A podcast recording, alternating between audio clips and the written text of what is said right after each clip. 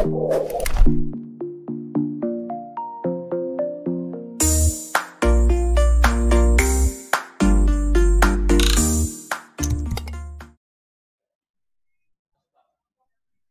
bahagia kerabat desa Indonesia kembali pagi ini kepoin desa kita kepo-kepo tentang desa kita pengen tahu kabar-kabar tentang desa kita pengen kepoin desa jadi satu media untuk kita bersama-sama memuliakan desa.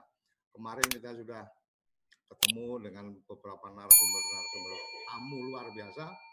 Hari ini saya kedatangan tamu kawan lama konco kampung Mas Anif Punta uh, expert Mas Anif ada di media dulu di apa sempat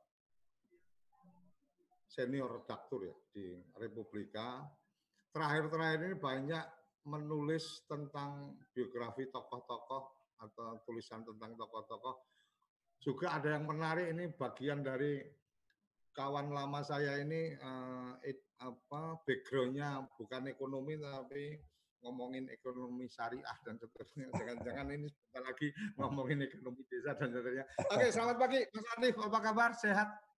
Alhamdulillah sehat, Mas Koco.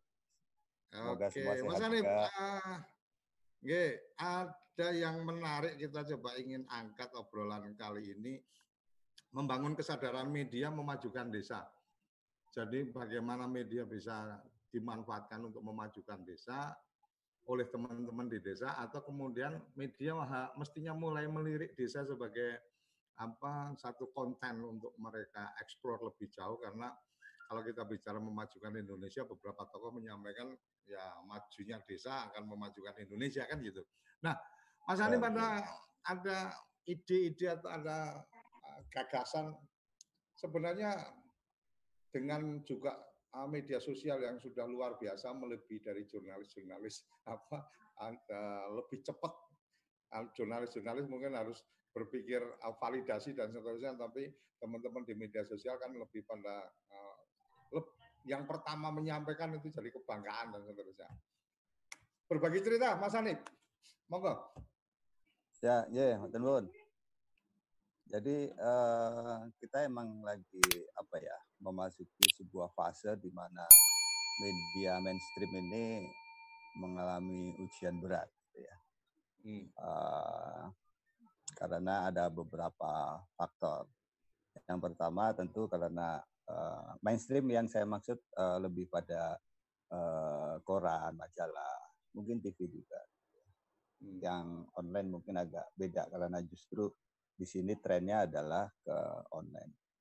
Media cetak ini uh, ibaratnya sudah jam 5 sore lah, menjelang maghrib. Gitu ya. ya mungkin menjelang maghrib lama kan? lagi. Nunggu, iya. nunggu ajan aja nih. iya, sambil ngopi nunggu okay. adan. Itu mungkin uh, nggak lama lagi lah ini uh, hmm. usia media cetak ini. Kalau kita lihat sekarang apa uh, apalagi adanya COVID ini, wah ini ujian yang uh, apa tumpang tindih gitu loh. Jadi kalau tinju itu dikasih jab, dikasih uppercut dan lain-lain. Karena uh, apa kebutuhan akan uh, biaya operasional besar, sementara pemasukan juga. Kalau kita lihat hmm. sekarang jumlah halaman aja, kalau koran itu ya, itu sekarang koran yang paling top itu cuma 16 halaman tiap hari. Hmm. Hmm. Dulu sempat 40, 44, 48, sekarang 16. Yang 12 lebih banyak lagi. Okay. Majalah juga kita bisa tinggal hitung dengan jari. Kalau majalah yang umum itu ya mungkin tinggal satu dua. Sekarang majalah yang apa uh, uh, apa ini yang punya nice tertentu itu yang masih hidup dan itu pun hidupnya dari uh, award-award yang dia berikan misalnya dan Infobank Award, SWA Award, uh, hidupnya lebih banyak dari situ daripada dari iklan. nah ini memang uh, ujian yang berat. Dan uh, sekarang memang lagi saatnya uh, media online, bahkan juga medsos. Kalau kita amati dalam beberapa tahun belakang ini, kadang-kadang media medsos itu malah lebih dulu uh, dalam pemberitaan dibanding media-media mainstream gitu ya. Jadi hmm. misalnya uh, media mainstream itu justru mengutip apa yang ada di media medsos. Misalnya siapa Yusril gitu ya. Dia ya, nulis di uh, apa Twitternya, ah, itu dikutip. Nah, kan ini hmm. Zamannya udah ada agak kembali nih. Atau mungkin kalau kalau dulu orang berbagi berita karena dapat dari apa mainstream, sekarang justru mainstream mulai memperhatikan yang dari media sosial itu ya, termasuk TV juga iya. ada ngambil acaranya dari TikTok, dari apa Instagram yang seru-seru gitu ya. Ya, acara TikTok dipilih terus ditampilin di TV. Bahkan sekarang kemarin sempat jadi perdebatan yang menarik. Ketika uh, siapa itu Deddy Corbuzier mewawancarai hmm. Siti Fadila. Oh, Siti Fadila. ini jurnalis asli ke mana ini? kok malah jurnalis apa uh, artis medsos yang, artis yang, yang jadi jurnalis dulu. Eh? iya artinya dia uh, medsos itu menjadi sesuatu yang penting pada masa hmm. sekarang pada saat-saat tertentu tertentu dia bisa mengungguli uh, media mainstream gitu ya nah ini menjadi tantangan yang berat juga bagi teman-teman yang masih di media mainstream tapi kalau kita kaitkan dengan apa uh, desa gitu ya, memang uh, ada kecenderungan yang masih hidup untuk media mainstream terutama koran itu adalah yang di daerah malah. Kalau yang umum oh, okay. nasional itu malah berat. Yang di daerah misalnya radar-radar terus apa uh, tribun itu dia bisa hidup di daerah. Ya dia tentu punya cara bagaimana mengakali uh, apa uh, mencari duitnya ya. Uh, ya. Tidak perlu saya ungkapkan di sini mungkin karena itu ada rahasia masing-masing gitu ya. ya. Punya Jadi, caranya sendiri lah untuk penghidupan. Punya cara sendiri ya. Punya ya. kiat tersendiri lah daripada yang di pusat. Hmm. Nah itu sebetulnya bisa dimanfaatkan oleh teman-teman di desa karena mereka kan lingkupnya kecil ya. Apa daerah liputannya kan enggak nasional dia selalu akan mencari berita-berita yang localized. Nah ini hmm. kesempatan juga bagi desa untuk bisa menampilkan diri di media uh, mainstream. Memang uh, secara kasta itu banyak orang masih apa sedikit menempatkan media mainstream itu di level yang lebih tinggi itu secara kasta gitu. Kalau hmm. misalnya uh, kita menulis bisa dimuat di koran gitu rasanya masih lebih puas daripada di online itu banyak orang yang satu satu kebanggaan ya mas saya masih ya, ingat ah. waktu itu ma jadi mahasiswa terus apa bikin tulisan kita kirim ke redaksi terus keluar di kompas itu wush bangganya raum umum di clipping dipamerkan ke teman-teman gitu. sekarang kalau mau ya. nulis nulis aja di blog gitu kan juga oke oke lanjut ya, mas nah.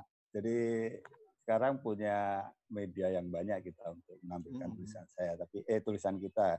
Tapi hmm. tadi uh, kalau di, bisa dimuat di mainstream apalagi koran besar, tetap aja kebanggaan itu masih muncul di ah, kita. Itu. Jadi kalau misalnya uh, dari desa itu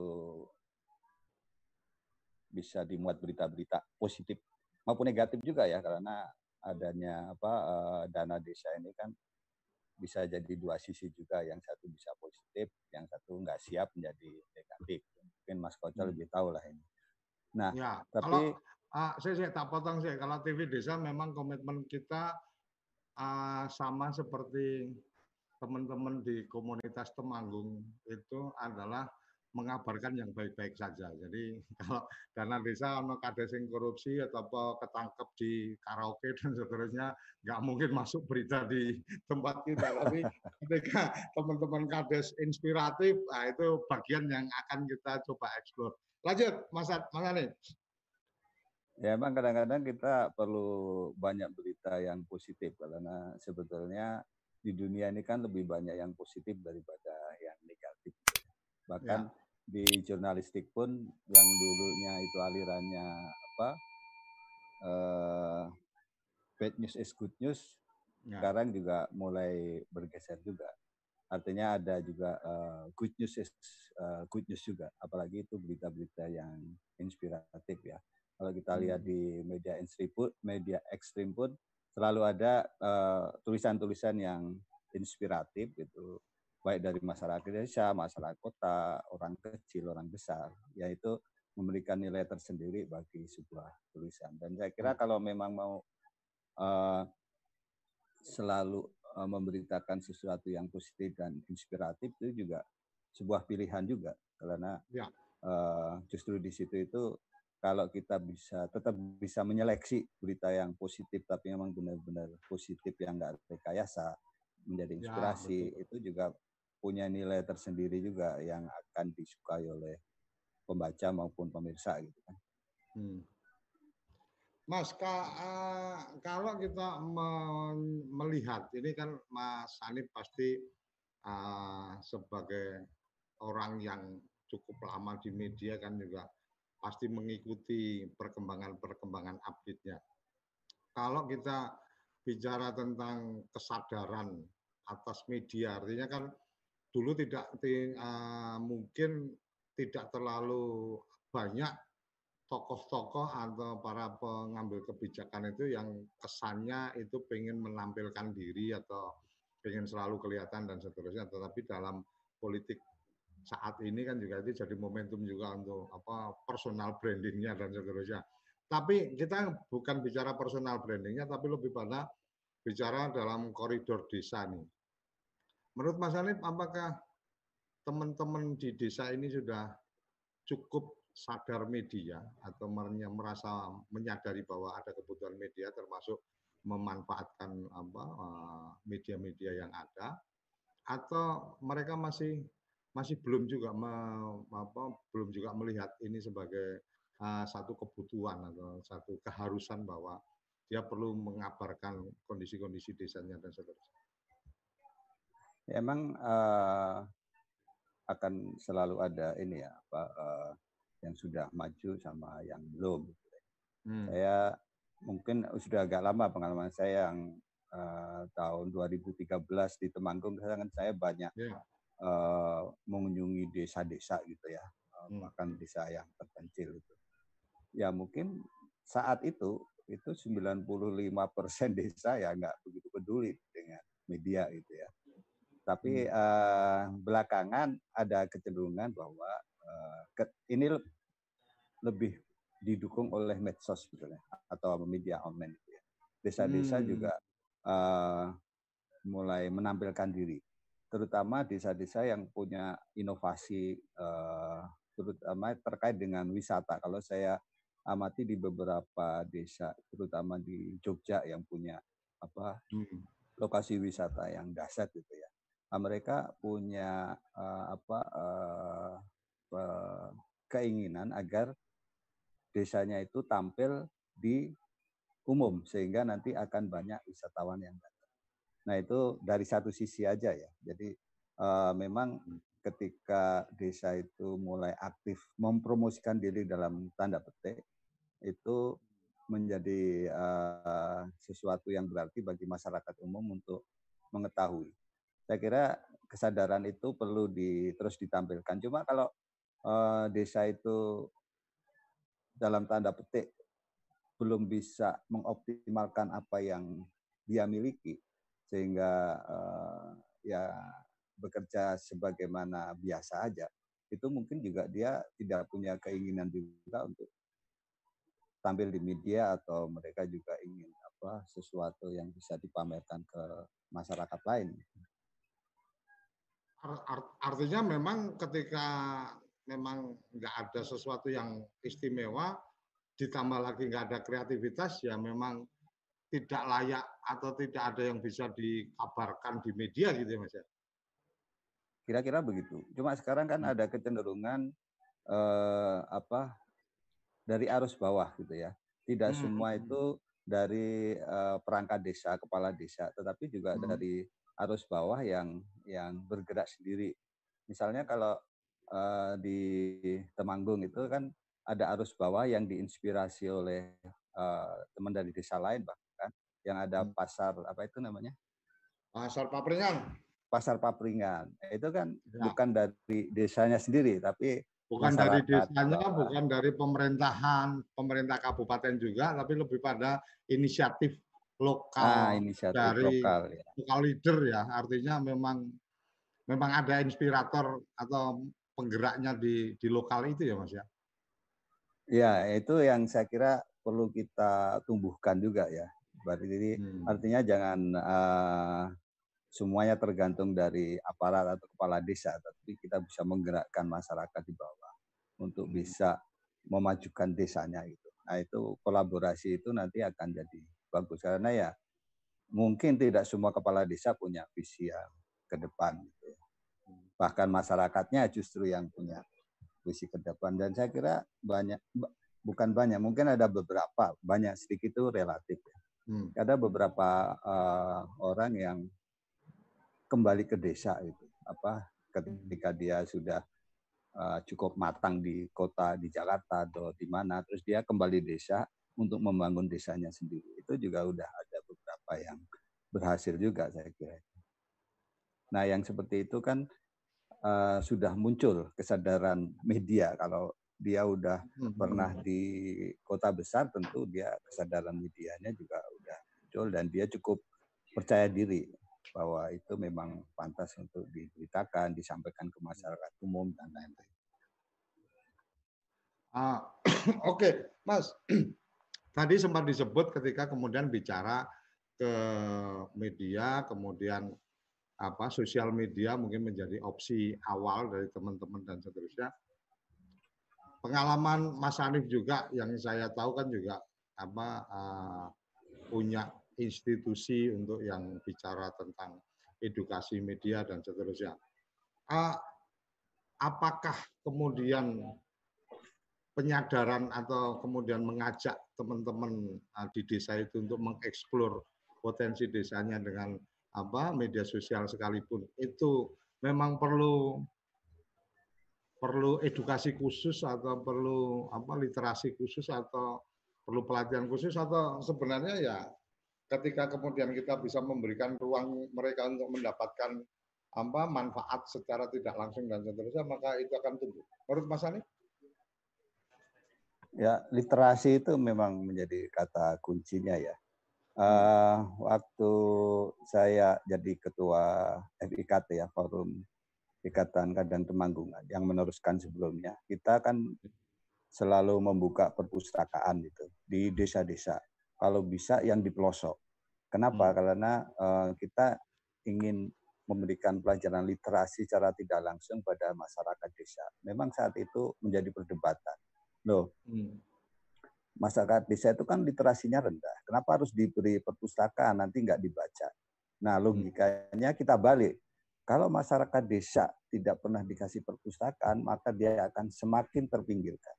Karena itu kita perlu kasih uh, perpustakaan agar uh, masyarakat mereka, terutama anak-anak, itu oh. mulai terbiasa dengan membaca gitu ya. Saat hmm. itu kan mungkin 5-10 tahun lalu internet belum, ya, belum banyak juga. Jadi uh, kita mendidik literasi itu dari buku-buku. Memang tidak semua berhasil juga. Jadi hmm. uh, kalau masyarakat desanya itu terutama anak-anak muda punya antusiasme tinggi terhadap literasi, itu sampai sekarang perpustakaannya masih berdiri. Masih bahkan beberapa sering mendapat penghargaan baik di tingkat uh, Temanggung maupun di Jawa Tengah gitu ya. Nah, memang uh, tidak semuanya saya katakan tadi berhasil juga, tapi setidaknya uh, bisa memberikan gambaran bahwa literasi itu perlu kita tanamkan uh, ke semua desa yang sepelosok mungkin, karena dari situ akan timbul uh, minat baca yang tinggi. Karena maju tidaknya sebuah negara itu kan tergantung dari tingkat bacaannya seperti apa. Enggak ada negara yang maju yang apa eh, masyarakat elitnya tidak pernah membaca kan itu seperti itu. Bahkan kalau kita uh, refer ke pendiri bangsa kita itu kan semua intelektual semua yang bacaannya mungkin bukunya hmm. tebel tebel apa dan itu bukunya bukan bukan buku bahasa Indonesia karena saat itu Indonesia belum punya buku ya itu buku bahasa ya. Inggris bahasa Belanda bahasa Belanda. mana aja nah itu literasi itu memang perlu ditanamkan agar kesadaran media di pedesaan muncul itu mungkin itu Pak Koco oke uh, ini tadi kita bicara tentang bagaimana teman-teman di desa sadar media sekarang kalau um, kalau kemudian kita melihat ke perusahaan medianya, artinya uh, sadar medianya itu media sadar bahwa desa ini menjadi sesuatu yang menarik nih. Tetapi tidak mesti hanya ya karena karena sekarang gencar ngomongin dana desa terus hanya dana desa melulu dan seterusnya kan gitu. Nah, kalau Mas Ani melihat apa teman-teman di media sendiri sekarang apakah cukup mm, cukup ada ketertarikan untuk kemudian melirik isu-isu pedesaan, Mas? Kalau saya amati di media mainstream, kayaknya belum banyak berubah lah. Jadi isu-isu ya? Pedesaan itu masih menjadi isu elit pinggiran itulah yang belum bisa masuk ke sebuah perbincangan besar gitu ya. Ya memang sekali-kali ada dimuat tentang bagaimana sebuah pedesaan bisa maju, hmm. tapi itu masih uh, masih relatif jarang lah kalau saya amati ya. Bahwa uh, pemberitaan itu dipicu oleh dana desa ah, itu yang sekarang justru menjadi apa uh, isunya lebih ke situ bukan bagaimana pemberdayaan desanya tetapi bagaimana uh, dana desa itu bisa di dioptimalkan secara bagus apa enggak. Jadi ya mungkin uh, karena udah lama ya apa dalam pikiran media itu bahwa desa ya pinggiran aja, belum masuk ke wilayah inti yang menjadi perbahasan serius. Saya kira itu kalau jangan-jangan saya salah gitu ya, tapi secara pengamatan saya kok tidak jauh dari ya, itu. Masih belum masih belum menarik gitu ya kemudian. Berarti TV desa termasuk bagian yang apa merintis atau masuk di wilayah-wilayah yang belum banyak orang tertarik ini. iya. Jadi kalau ini ini, ini jadi apa, tantangan. Nah, hmm. kalau di tulisan siapa itu yang ada uh, istilahnya samudra biru. Uh, hmm. Jadi kalau kita mau bermain bisnis itu ada hmm. dua pilihan. Kita mau di istilahnya bloody red uh, di wilayah yang berdarah-darah karena persaingannya sangat ketat atau hmm. di blue ocean. Nah, istilahnya blue ocean. Blue ocean itu sebuah wilayah yang belum banyak uh, pesaing. Kalau okay. kita bahasa sekarang itu mungkin main di nice gitu, di ceruk gitu ya. Nah, nah, ini apa Blue Ocean ini yang sudah dimasuki oleh TV desa. Cuma masalahnya kita kan belum banyak masuk, pesaing kan. Masuk di lapangan yang masih masih kosong gitu ya. Eh, masuk di lapangan kosong. Masalahnya iklannya belum banyak yang mau tampil di situ. Ya. Nah, ini bagaimana mengcreate uh, apa uh, uh, pendapatan lah bukan hanya iklan ya. Karena bagaimanapun kan uh, sebuah media itu nggak bisa lepas dari bagaimana dia mengcreate pendapatan. Ya, uh, tumbangnya banyak media itu kan karena pendapatannya tidak bisa menutup uh, biaya operasional. Nah ya. ini bagaimana TV desa ini ketika sudah masuk di wilayah blue ocean, ya. tetap harus survive. Iya. Memang mungkin perlu uh, punya banyak tabungan kesabaran ya. Jadi kesabaran, ini kesabaran selesai. harus harus banyak apa energi darah yang harus ditumpahkan. Ah, iya. Jadi, Alhamdulillah Mas, Alhamdulillah tanggal 16 besok kita genap enam tahun, kita masih bisa eksis dan ini juga malah apa menambah apa uh, coverage siaran dan kekuatan siaran. Jadi semoga main kita di Blue Ocean tadi istilahnya Mas Anif itu pilihan yang benar, artinya tersesat di jalan yang benar sehingga kita masih bisa ini. Uh, uh, media sekarang ini kayaknya dengan apa kalau yang tadi Mas Hanif sampaikan bahwa oh koran-koran lokal ternyata malah masih bisa bertahan daripada koran nasional dan seterusnya. apakah memang ini ada apa new normal artinya ada ada beberapa pihak yang mencerita menyampaikan bahwa uh, kalau dulu kita bicara globalisasi ya sekarang ini deglobalisasi artinya kita harus sudah mulai berpikir atau memainkan uh, bergerak dalam wilayah-wilayah terbatas yang kemudian uh, itu justru jadi poin kekuatan kita gitu kan. Artinya kita konsentrasi urus desa bahwa kemudian ada koneksi desa ke kota sampai ke luar negeri itu bagian yang lain. Tetapi bahwa memikirkan lingkup yang apa spesifik itu menjadi satu apa satu keharusan terkait dengan tatanan dunia baru pasca covid. Ada ada ada pesan-pesan khusus atau ada ide-ide khusus urusan media Mas Anit? Ya kita emang uh, kita lihat secara keseluruhan Indonesia ya, uh, kita belum pernah berada pada masa masa fase puncak dari uh, literasi.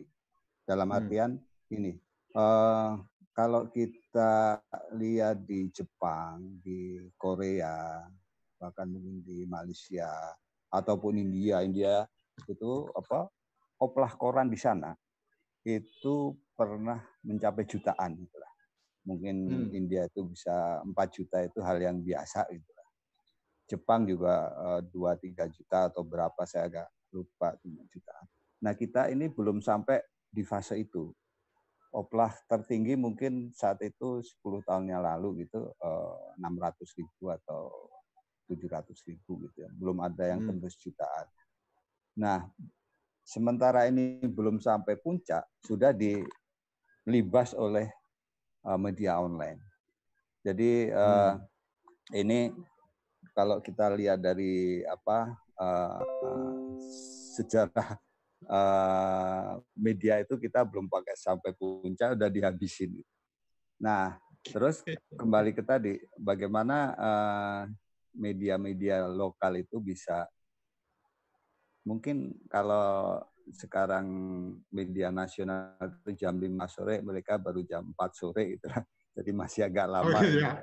daya hidupnya gitu ya. Nah itu uh, pernah ada ada ada uh, pendapat saya nggak tahu itu apakah survei apa enggak saya agak lupa gitu. Jadi perkembangan apa uh, online itu di di daerah ini lima tahun lalu ya, mungkin sekarang juga sudah hmm. beda lagi posisinya.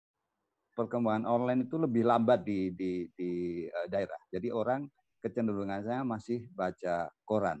Nah, koran itu masih jadi jadi uh, pendamping bacaan.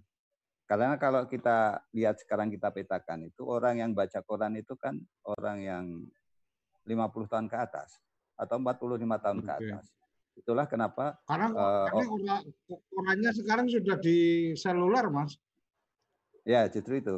Orang yang baca koran itu sudah 50 tahun ke atas. Kalau dulu waktu seangkatan kita gitu ya, uh, hmm. kita kuliah, lulus, kerja, nikah, kira-kira gitu ya. Begitu nikah, hmm. itu kelas-kelas menengah itu terus langganan koran. Itulah kenapa ya, koran saya itu pernah naik gitu. Tapi sekarang kan nggak ada kamusnya. Anak muda yang nikah terus langganan koran kan nggak ada. Jadi koran nggak ada pelanggannya. Pelanggan adalah, adalah kita kita sisa-sisa laskar pajak. Artinya nggak nggak ada kasta tertentu yang kemudian menunjukkan kelasnya itu karena sudah mulai langganan koran gitu ya. Kalau dulu kan mulai iya, langganan iya, koran iya, berarti hidupnya udah stabil kan gitu. Hah? Ah, betul itu. Nah, itu kan 50 tahun ke atas pelanggan.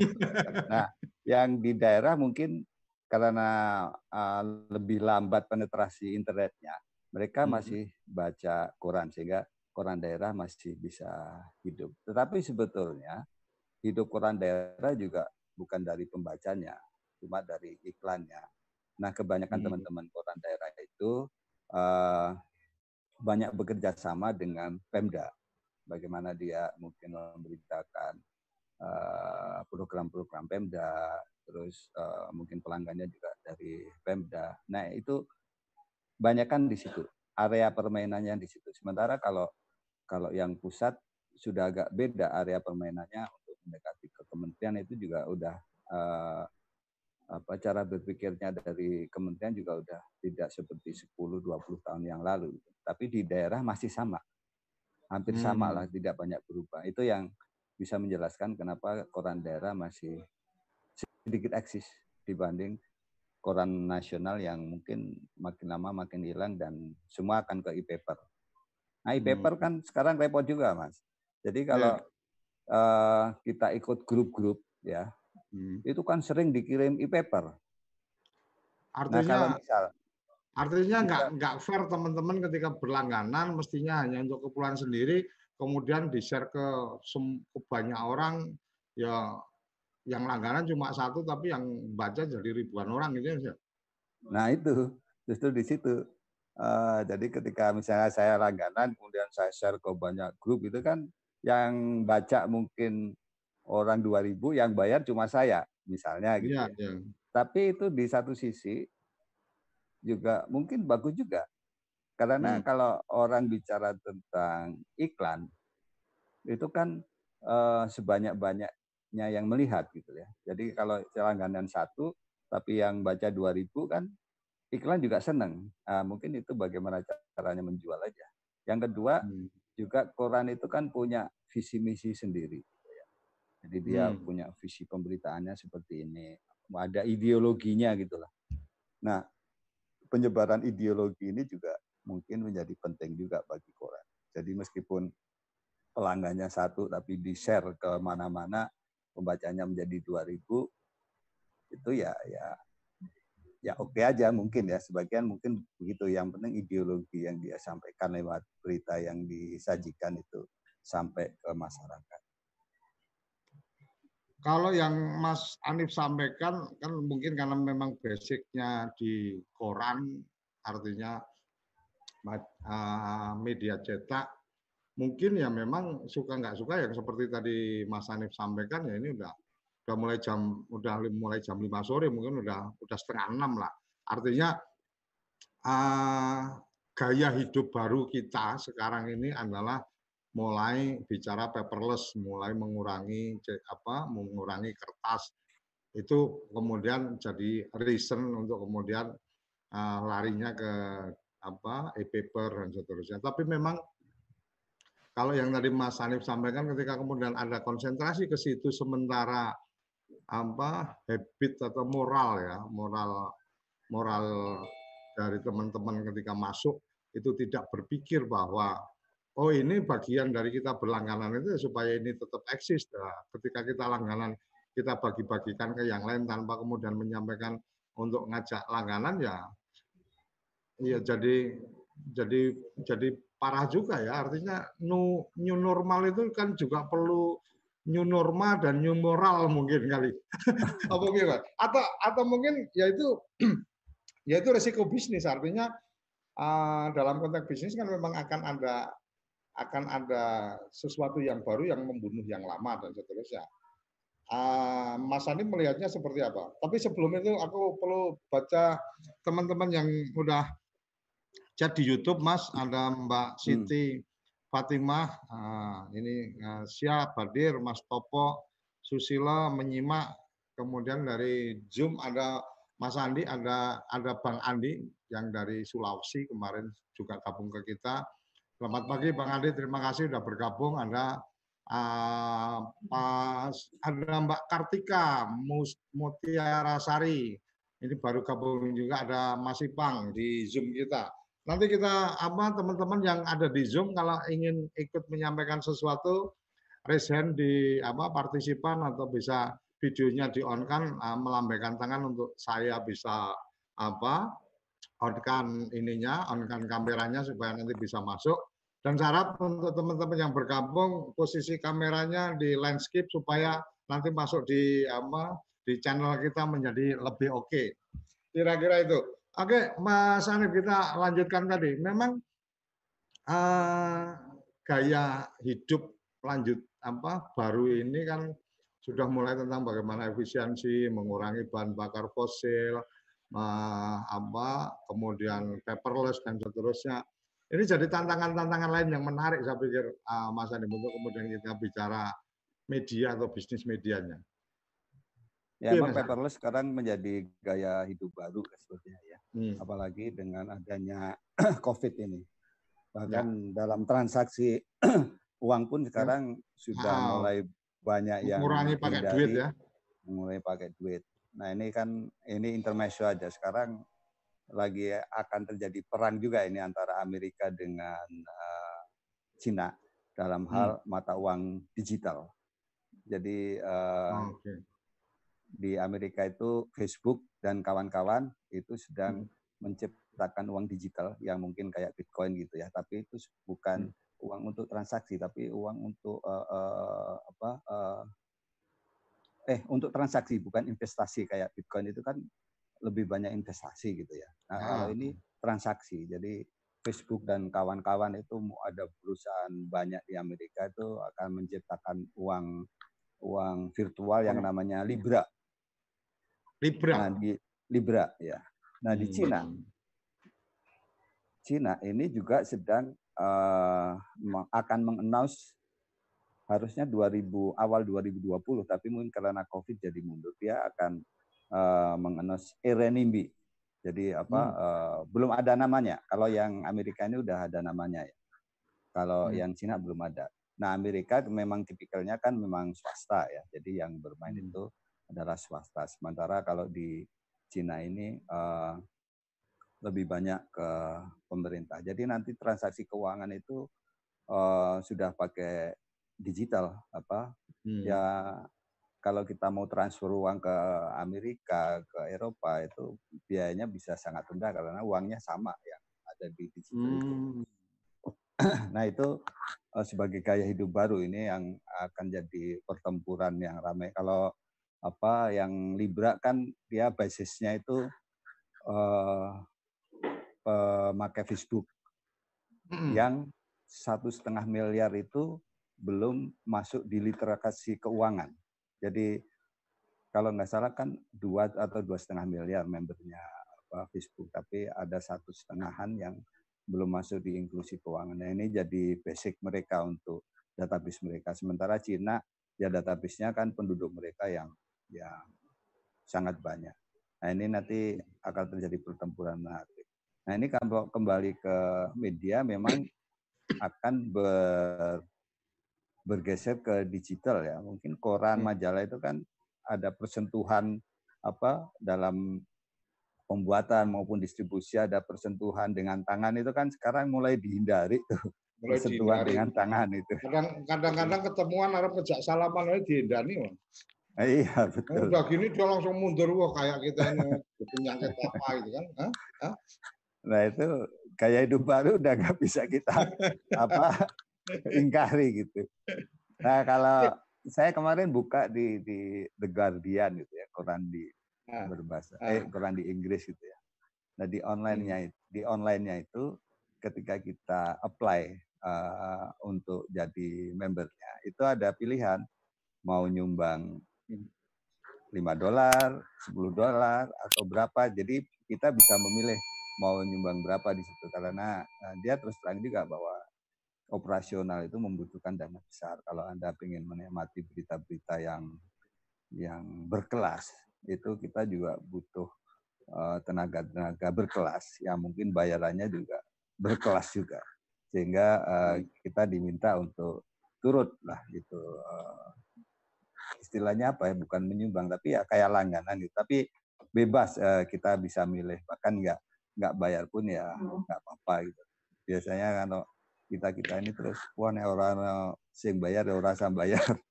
Tapi biasanya kalau kesadaran literasinya tinggi ya kita ikut partisipasi meskipun dalam rupiah yang berapa gitu. Nah itu cara-cara uh, apa media untuk bisa survive di era digital ini, di era tanpa kertas ini.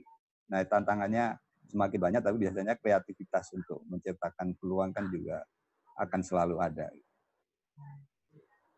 Artinya, artinya yang menjadi menarik adalah bagaimana kreativitas dari teman-teman eh, kemudian memanfaatkan media sesuai dengan eh, targeting, sesuai dengan kapasitas apa dukungan yang dia punya ya. Artinya ibarat kata Ya kalau memang secara finansialnya terbatas, mungkin menggunakan media sosial. Kalau mungkin agak lebih, mungkin bisa punya apa page landing apa website sendiri atau apa dan seterusnya.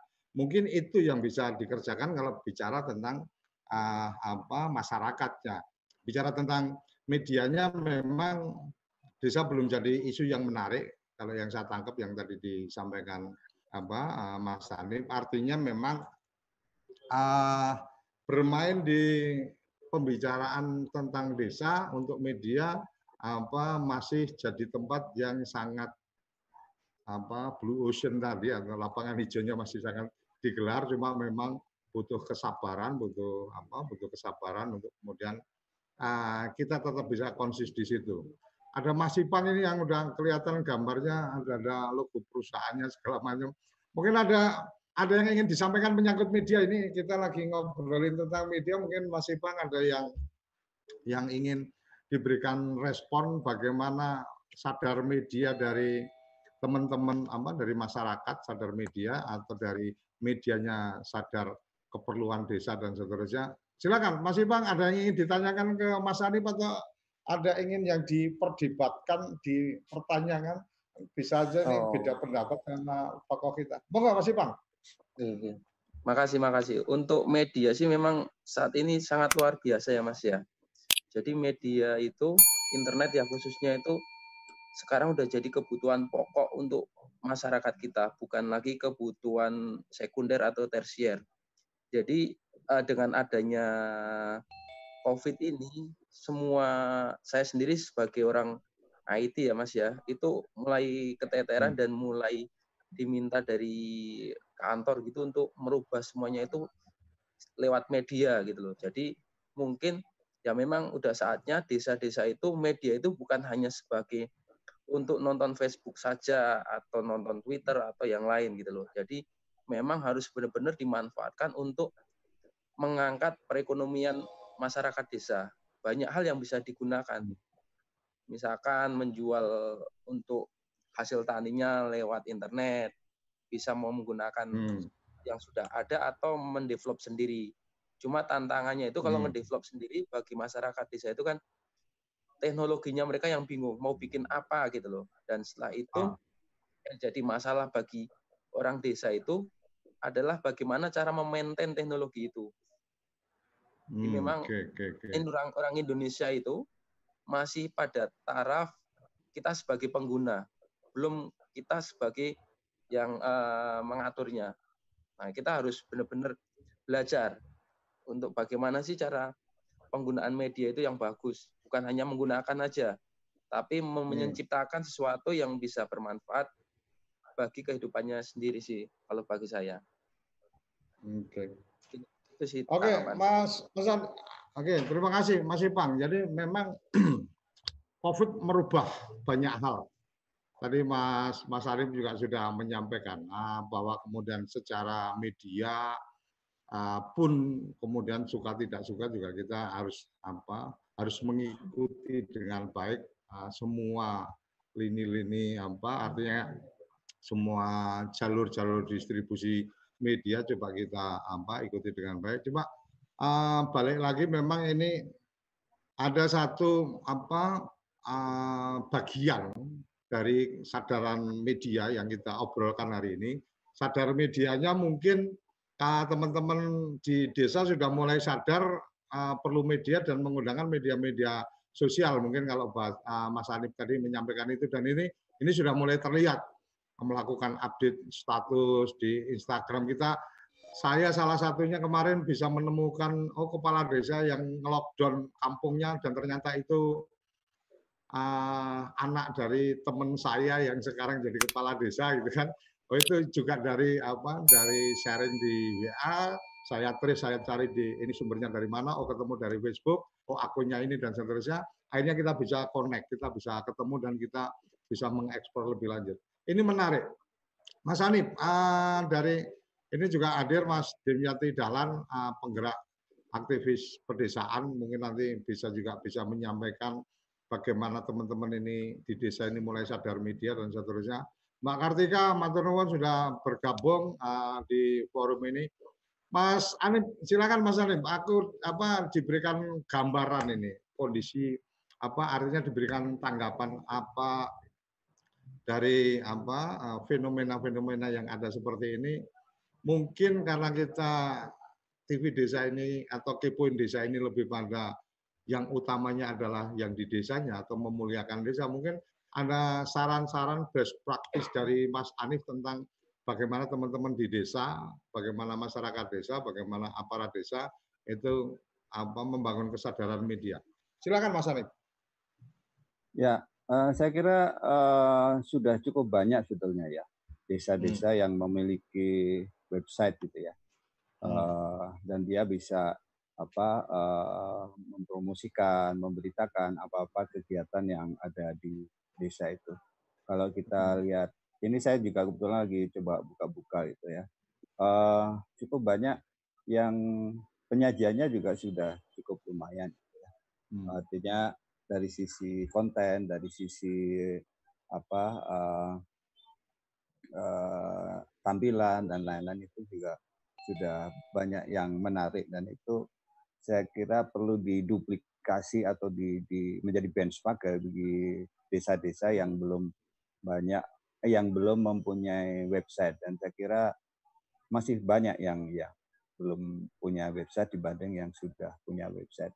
Ada beberapa website yang bisa uh, jadi benchmark menarik sehingga uh, ini penting karena apa yang ada di desa itu bisa tersampaikan kepada masyarakat secara luas dan yang tidak kalah pentingnya adalah ini sebagai juga wujud uh, transparansi dan tanggung jawab ya. dari pemerintah desa terhadap rakyatnya.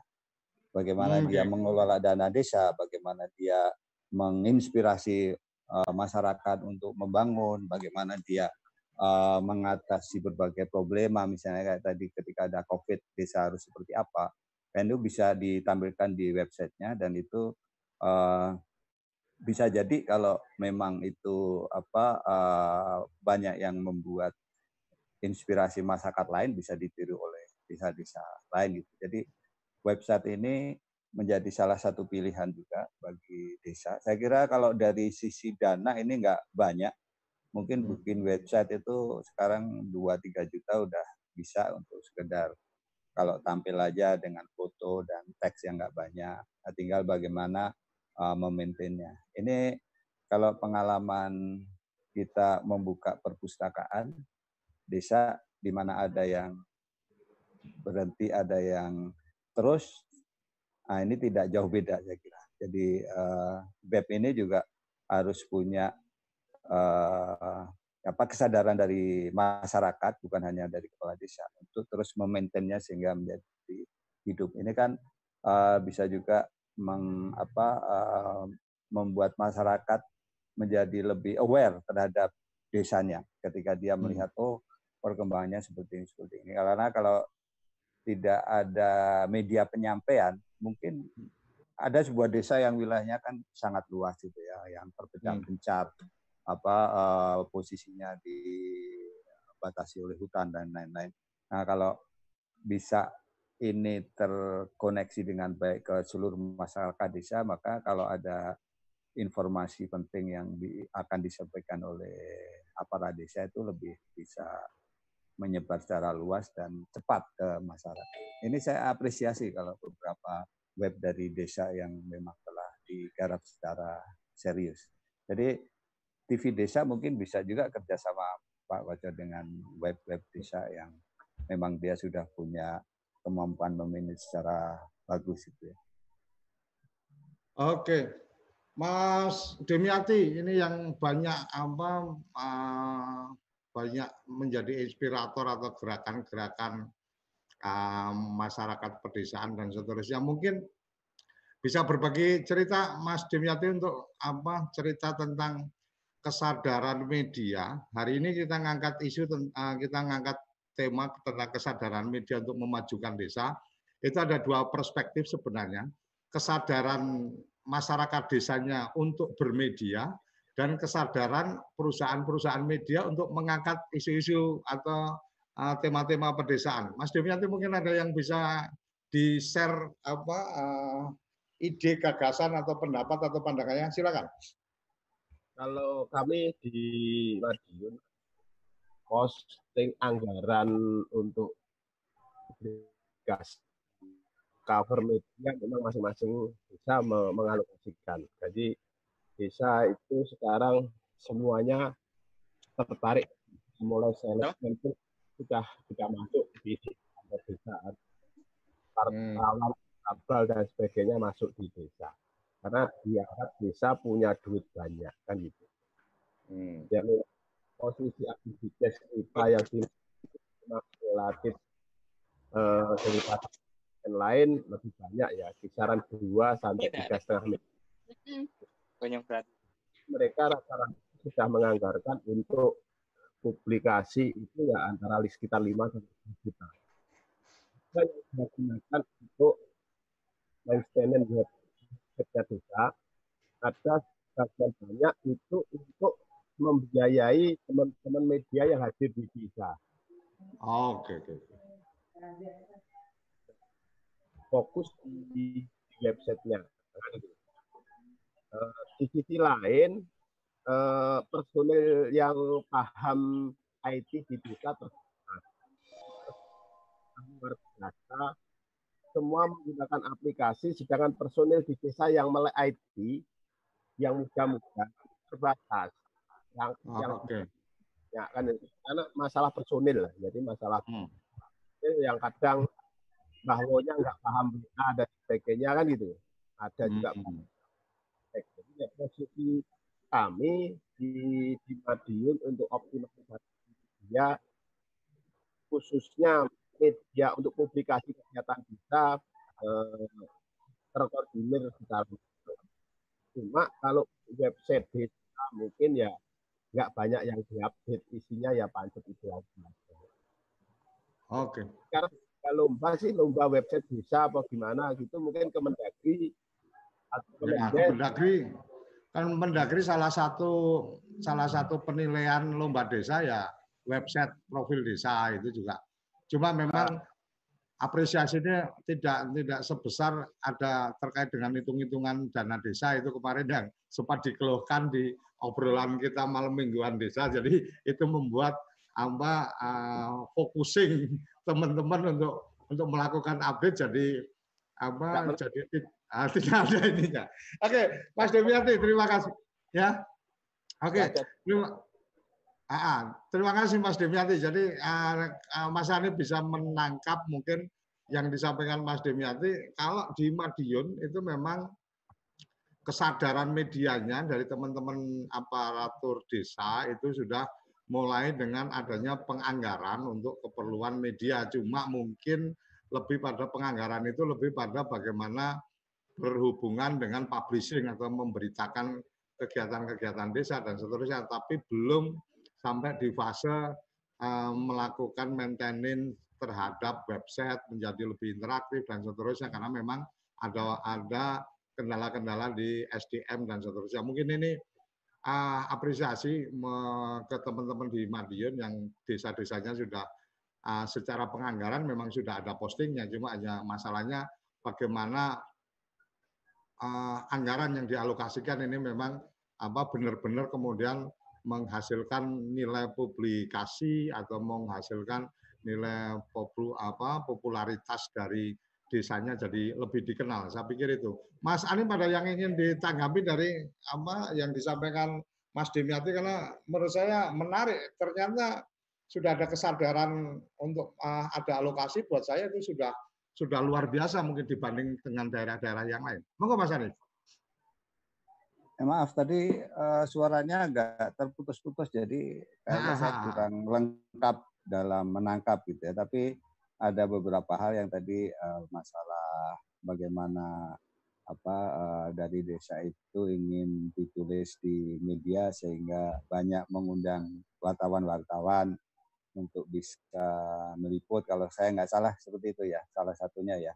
Hmm. Jadi emang dia berteman dengan berteman dengan wartawan itu penting. Nah, makanya bertemanlah dengan Pak Koco yang wartawan. Tetap bisa apa uh, menyampaikan publikasi secara lebih akurat dan kredibel. Yang kedua tadi soal uh, website tidak ada yang mengelola gitu ya. Nah ada saya pernah baca itu di di mana gitu ya. Ada sebuah desa yang desanya itu itu tadi uh, yang tidak bisa mengelola IT-nya gitu ya. Tetapi hmm. ada penduduk desa itu yang merantau di kota lain. Dia hmm. punya kemampuan IT mengelola website. Nah, teman-teman yang di kota lain itu yang bisa tetap dimanfaatkan atau diajak kerjasama mengelola website di desanya. Jadi misalnya saya di desa A di Temanggung. Nah, hmm uh, ada uh, anak muda di A yang bekerja di Jakarta. Uh, mereka lah yang bisa uh, mengelola website di desa itu bisa di remote dari Jakarta gitu. Nah itu mungkin bisa dilakukan uh, Mas Dimyati usaha-usaha seperti itu. Karena sebetulnya memanage desa web desa itu kan nggak berat lah karena dari sisi jumlah tulisan yang diupload paling sehari satu itu udah sangat dahsyat kalau desa bisa satu hari satu posting itu ya. mungkin baru dua artinya hari artinya memaksimalkan memaksimalkan uh, semua medium uh, apa media sosial media messenger itu kemudian uh, orang tidak harus apa on secara fisik di lokasi-lokasi itu tetapi dia juga bisa terlibat untuk melakukan kegiatan-kegiatan apa uh, updating dari website Mungkin seperti itu ya Mas. Artinya ini sudah mulai mulai masuk dalam gaya gaya apa gaya orang bekerja yang tidak harus secara fisik ada, tetapi yeah. komunikasi berjalan lancar dan kemudian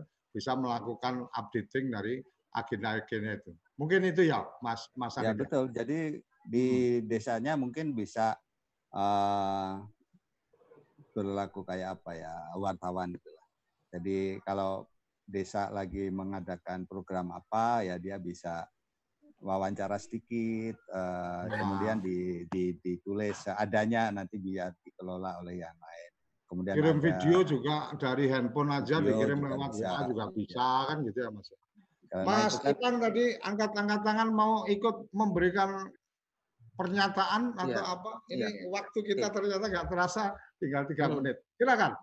Uh, sedikit tambahan ya Pak. Untuk uh, cara bagaimana upload bisa memanfaatkan seperti yang Pak Anif katakan bahwa untuk adminnya bisa berada di kota lain. Misalkan di Jakarta orang desa tersebut. Nah nanti tinggal dia orang desa yang mengirimkan kontennya dan yang mengupload yang ada di Jakarta.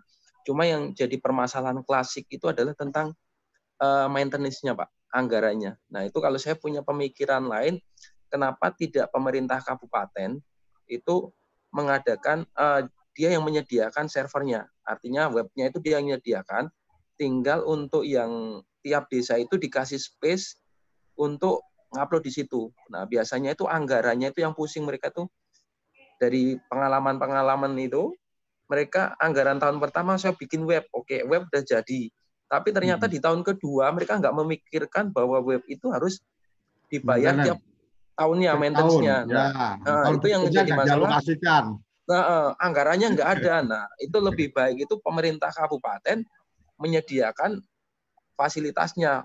Jadi pemerintah kabupaten yang menyediakan anggaran untuk penyewaan atau pembelian server. Nah, mereka yang maintenance. Nah, setiap desa itu dikasih space. Entah itu space-nya itu berapa untuk mereka kelola. Nah, itu itu lebih baik karena biasanya orang desa kan pemerintah desa itu untuk teknologi mereka masih bingung itu masalah server dan mereka tidak menyediakan satu orang khusus untuk menangani masalah itu. Nah, kalau dengan adanya pemerintah kabupaten yang menyediakan, dia kan pasti ada IT-nya. Kalau ada hmm. masalah akan lebih mudah untuk menangani. Nah, jadi mereka hanya orang desa itu bagian content writer-nya gitu. Itu tambahan dari saya sih, Pak. Oke, uh, Mas Demiati mungkin uh, menjelang ini kita udah mau selesai, mungkin ada respon karena sudah pakai ini mungkin audionya akan lebih bagus. Ada respon tentang ide tadi uh, atau mungkin dari obrolan tadi. Silakan Mas Dimyati uh, kalau ingin menambahkan sesuatu. Mic-nya mic-nya belum on. Oke. Oke. Oke, ya, ya. Alangkah lebih baiknya kalau sistematis. Jadi ada perintah tertentu. Kalau perlu dilum. Tadi itu. Hmm. Nominalnya ada mempengaruhi uh, mempengaruhi prestasi desa itu akan benar. Selama ini menurut mereka website tidak bukan hal yang penting dan pokok bagi pemerintah desa. Ah. Karena untuk komunikasi di di lingkungannya sendiri mereka cukup alat komunikasi media komunikasi yang ada pakai poster, pamflet dan sebagainya saya kira sudah. Ini uh, media media sosial yang ada ini belum lebih bisa bagi mereka karena semuanya masih terjangkau. Hmm, Itu okay. bagi desa-desa yang punya produk hasil wisata yang uh, tempat-tempat wisata, produk-produk unggulan yang layak dipromosikan melalui website baru. Oke. Okay. Oke, Mas Deviati, terima kasih. Jadi uh, ide-idenya Mas Ipang tadi mungkin salah satunya adalah ada apa? Ada satu momentum lah untuk kemudian bagaimana teman-teman di desa jadi care untuk kemudian uh, menggunakan media.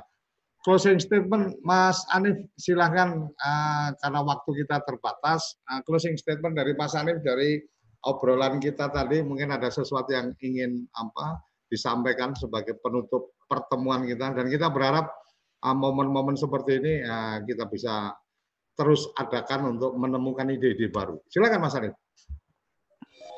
Baik, uh, jadi uh, di sinilah pentingnya uh, apa uh, pemberitaan atau uh, apa ya apa yang bisa kita sampaikan kepada masyarakat dari desa agar semuanya bisa uh, tersampaikan secara baik di masyarakat. Dan ini saya akan lebih fokus di web ini ya.